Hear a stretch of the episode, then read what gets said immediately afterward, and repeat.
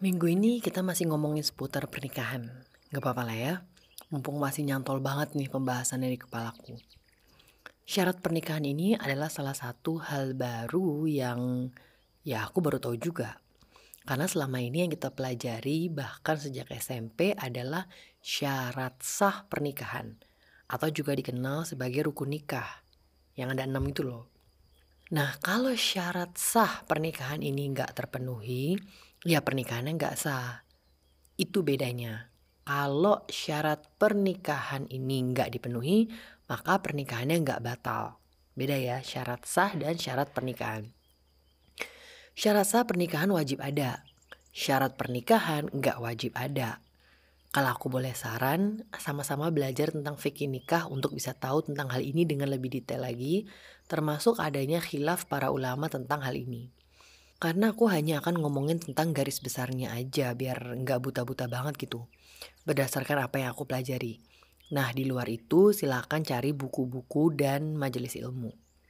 Oke, syarat pernikahan adalah hal-hal yang diajukan oleh laki-laki atau perempuan sebelum memutuskan untuk menikah. Jadi kalau salah satunya merasa keberatan dengan syarat yang diajukan, ya lebih baik mundur. Tujuannya adalah ya supaya lebih fair aja, nggak nanti tiba-tiba dalam pernikahan baru mensyaratkan harus ini dan harus itu. Oh, syarat nikah ini maksudnya perjanjian pranikah atau prenup gitu ya, Nya? Jawabannya iya dan enggak. Iya sama karena dua-duanya sama-sama dibuat dan diajukan sebelum pernikahan supaya satu sama lain bisa menakar kemampuannya dalam menjalani syarat tersebut. Tapi enggak, enggak sama karena beberapa perjanjian pranikah itu terikat hukum negara yang kalau enggak dipenuhi boleh mengajukan cerai misalnya atau tentang pembagian harta yang enggak berdasarkan hukum agama Islam. Sedangkan syarat pernikahan itu enggak sah kalau menyelisihi syariat agama. Dan kalau dalam pernikahan syarat itu gagal ditunaikan, nggak bisa jadi alasan untuk perceraian. Jadi syarat pernikahan itu sama sekali nggak ada tentang jaga-jaga kalau nanti cerai ya. Syarat pernikahan yang boleh diajuin tuh kayak apa aja? Boleh apa aja, selama jangan seneng dulu, belum selesai ini ngomongnya.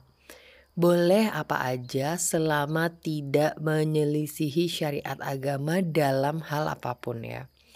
Oke, insya Allah aku akan coba untuk ngasih contoh hal-hal yang boleh diajukan menjadi syarat pernikahan supaya bisa lebih jelas lagi.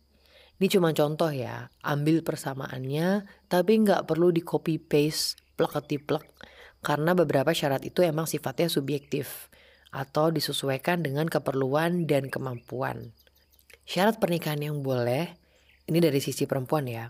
Satu, nggak mau tinggal serumah sama adik ipar laki-laki. Alasannya karena adik ipar laki-laki itu bukan mahram dan dikhawatirkan bisa menimbulkan fitnah atau besar kemungkinan untuk nggak sengaja terlihat auratku. Karena berarti kan aku harus selalu pakai jilbab dan kaos kaki ya, kecuali di dalam kamar dan di kamar mandi. Dua, nggak mau tinggal serumah sama mertua. Karena tinggal terpisah dari mertua itu adalah hak seorang istri. Kecuali emang mertua udah sangat tua dan perlu perawatan. Tiga, suami enggak menerima pekerjaan yang berkaitan dengan riba atau pekerjaan yang haram. Alasannya udah jelas lah ya. Yang keempat, enggak ngambil cicilan apa pun baik rumah maupun kendaraan dengan cara riba. Alasannya sama kayak poin tiga tadi. Yang kelima, anak harus diberikan pendidikan agama sejak dini. Gak ada istilah ngapain dia kan masih kecil. 6. Minimal seminggu sekali menyempatkan waktu untuk duduk di majelis ilmu kalau nggak dalam keadaan pandemi. Alasannya ya karena belajar agama itu penting. Apalagi untuk seorang suami yang merupakan pemimpin keluarga dan seorang istri yang merupakan pendidik pertama anak-anaknya. 7 nggak menerima telepon dari perempuan yang bukan mahram kalau nggak ada uzur dan bicara seperlunya tanpa nada-nada yang bisa menimbulkan fitnah. Termasuk nggak lagi nih cecurhatan sama sahabat lawan jenis. Alasannya Karena Allah telah mengatur dengan jelas batasan-batasan interaksi antara lawan jenis bahkan saat masih belum menikah, pas kita masih single, apalagi sekarang masing-masing udah menikah. Iya contohnya kayak gitulah ya. Tapi ingat, sebelum ngelist syarat pernikahan, pastikan kita sebagai calon istri atau calon suami itu tahu betul apa yang menjadi hak dan kewajibannya apa-apa yang dibolehkan dan tidak dibolehkan dalam Islam. Jadi kita bikin syarat itu bukan ngikutin hawa nafsu, tapi bener-bener dipikirin apa-apa aja yang bisa ngebus ibadah dalam pernikahan kita dan gak ada syarat-syarat yang menzolimi hak orang lain. Contoh syarat pernikahan yang ngikutin hawa nafsu. Satu, setahun sekali minimal harus bisa jalan-jalan ke luar negeri, nggak ada alasan, nggak ada uang. Gimana pun caranya, pokoknya harus bisa. Dua, istri boleh bebas pergi-pergi ke mana aja tanpa perlu minta izin suami. Tiga, suami kalau mau mensedekahkan sebagian hartanya harus atau wajib minta izin istri dulu. Harus ya, wajib loh. Atau kalau dari pihak laki-laki tuh gini, satu, Istri nggak boleh lagi berkunjung ke rumah orang tuanya. Dua, istri harus nurut kata-kata suami apa pun itu bentuknya. Maksudnya bahkan kalau itu melanggar syariat agama gitu.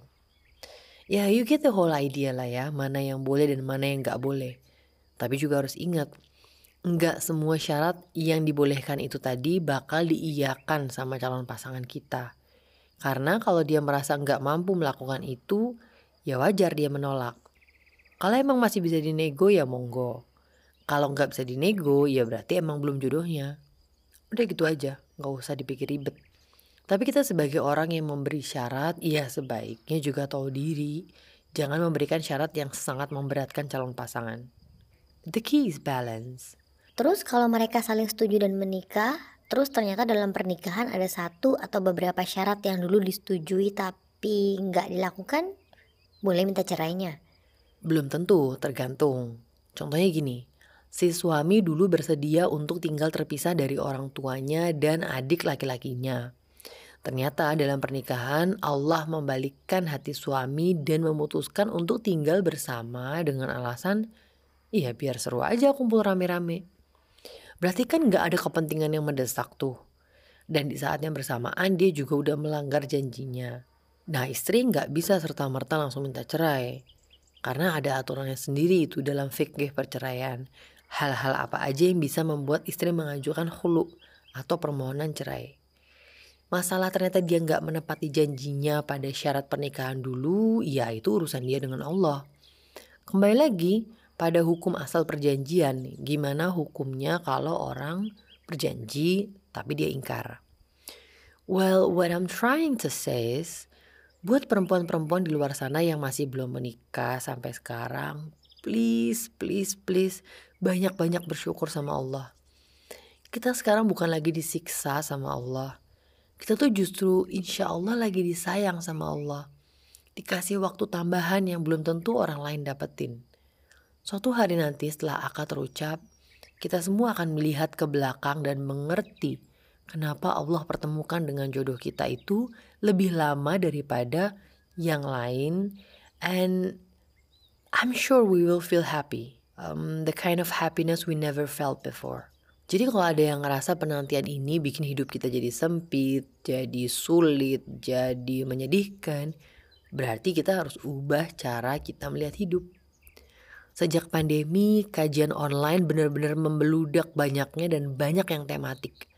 Daripada bingung chatting sana sini nyari calon jodoh, mending pelan-pelan mulai kajian tentang fake nikah. Di situ ada banyak hal yang penting untuk kita ketahui sebelum menikah. Hal-hal yang aku yakin kita selama ini sama sekali belum pernah dengar atau bahkan udah pernah dengar tapi nggak ngerasa itu penting. Aku pribadi sangat-sangat bersyukur dengan keadaanku yang sekarang karena ternyata ada banyak hal penting yang aku tuh sama sekali nggak tahu dan kebayang gimana chaosnya pernikahan kalau aku nggak aware sama hal, ini. Banyak orang yang udah menikah bilang, gak usah banyakkan teori, ntar juga prakteknya bakalan beda banget. Udah jalan aja sambil belajar. Buat aku, menikah tanpa ada bekal ilmu sama sekali itu ibarat gini, belum pernah nyetir mobil, terus langsung disuruh bawa uh, Rubicon atau Pajero Sport di daerah Pasar Minggu, jam pulang kantor sambil meraba-raba mana kopling, mana gas, mana rem, terus sambil harus mikir fungsi gigi itu apa, kenapa ada 1 sampai 5, R itu apa, lampu merah itu tandanya apa, garis lurus dan putus-putus itu bedanya apa? Kebayang gak sih chaosnya? Aku bayangin aja udah chaos banget. Iya, emang kita nggak perlu harus bisa ngedrift dulu atau harus bisa shifting dari gigi satu ke gigi lima kurang dari satu menit dulu untuk bisa nyetir di jalan. Tapi setidaknya kita tahu hal-hal penting yang paling basic supaya kita nggak celaka gitu. Yuk bisa yuk jadi perempuan yang happy, yang full of life, yang penuh semangat untuk bisa mempersiapkan diri jadi istri terbaik dari seorang laki-laki yang juga mungkin sedang mempersiapkan diri untuk menjadi suami terbaik. Jangan mau dengerin bisikan setan yang bikin kita berburuk sangka sama Allah dan akhirnya nggak bisa mensyukuri apa yang ada dan yang tidak ada dalam hidup kita. Untuk yang udah menikah pun masih belum terlambat kok untuk belajar fikih pernikahan. Jangan pernah ngerasa cukup berilmu atau ngerasa udah terlanjur dan gak ada lagi yang bisa diperbaiki. Selama kita masih bisa bernafas, selama itu pula Allah kasih kita kesempatan untuk belajar.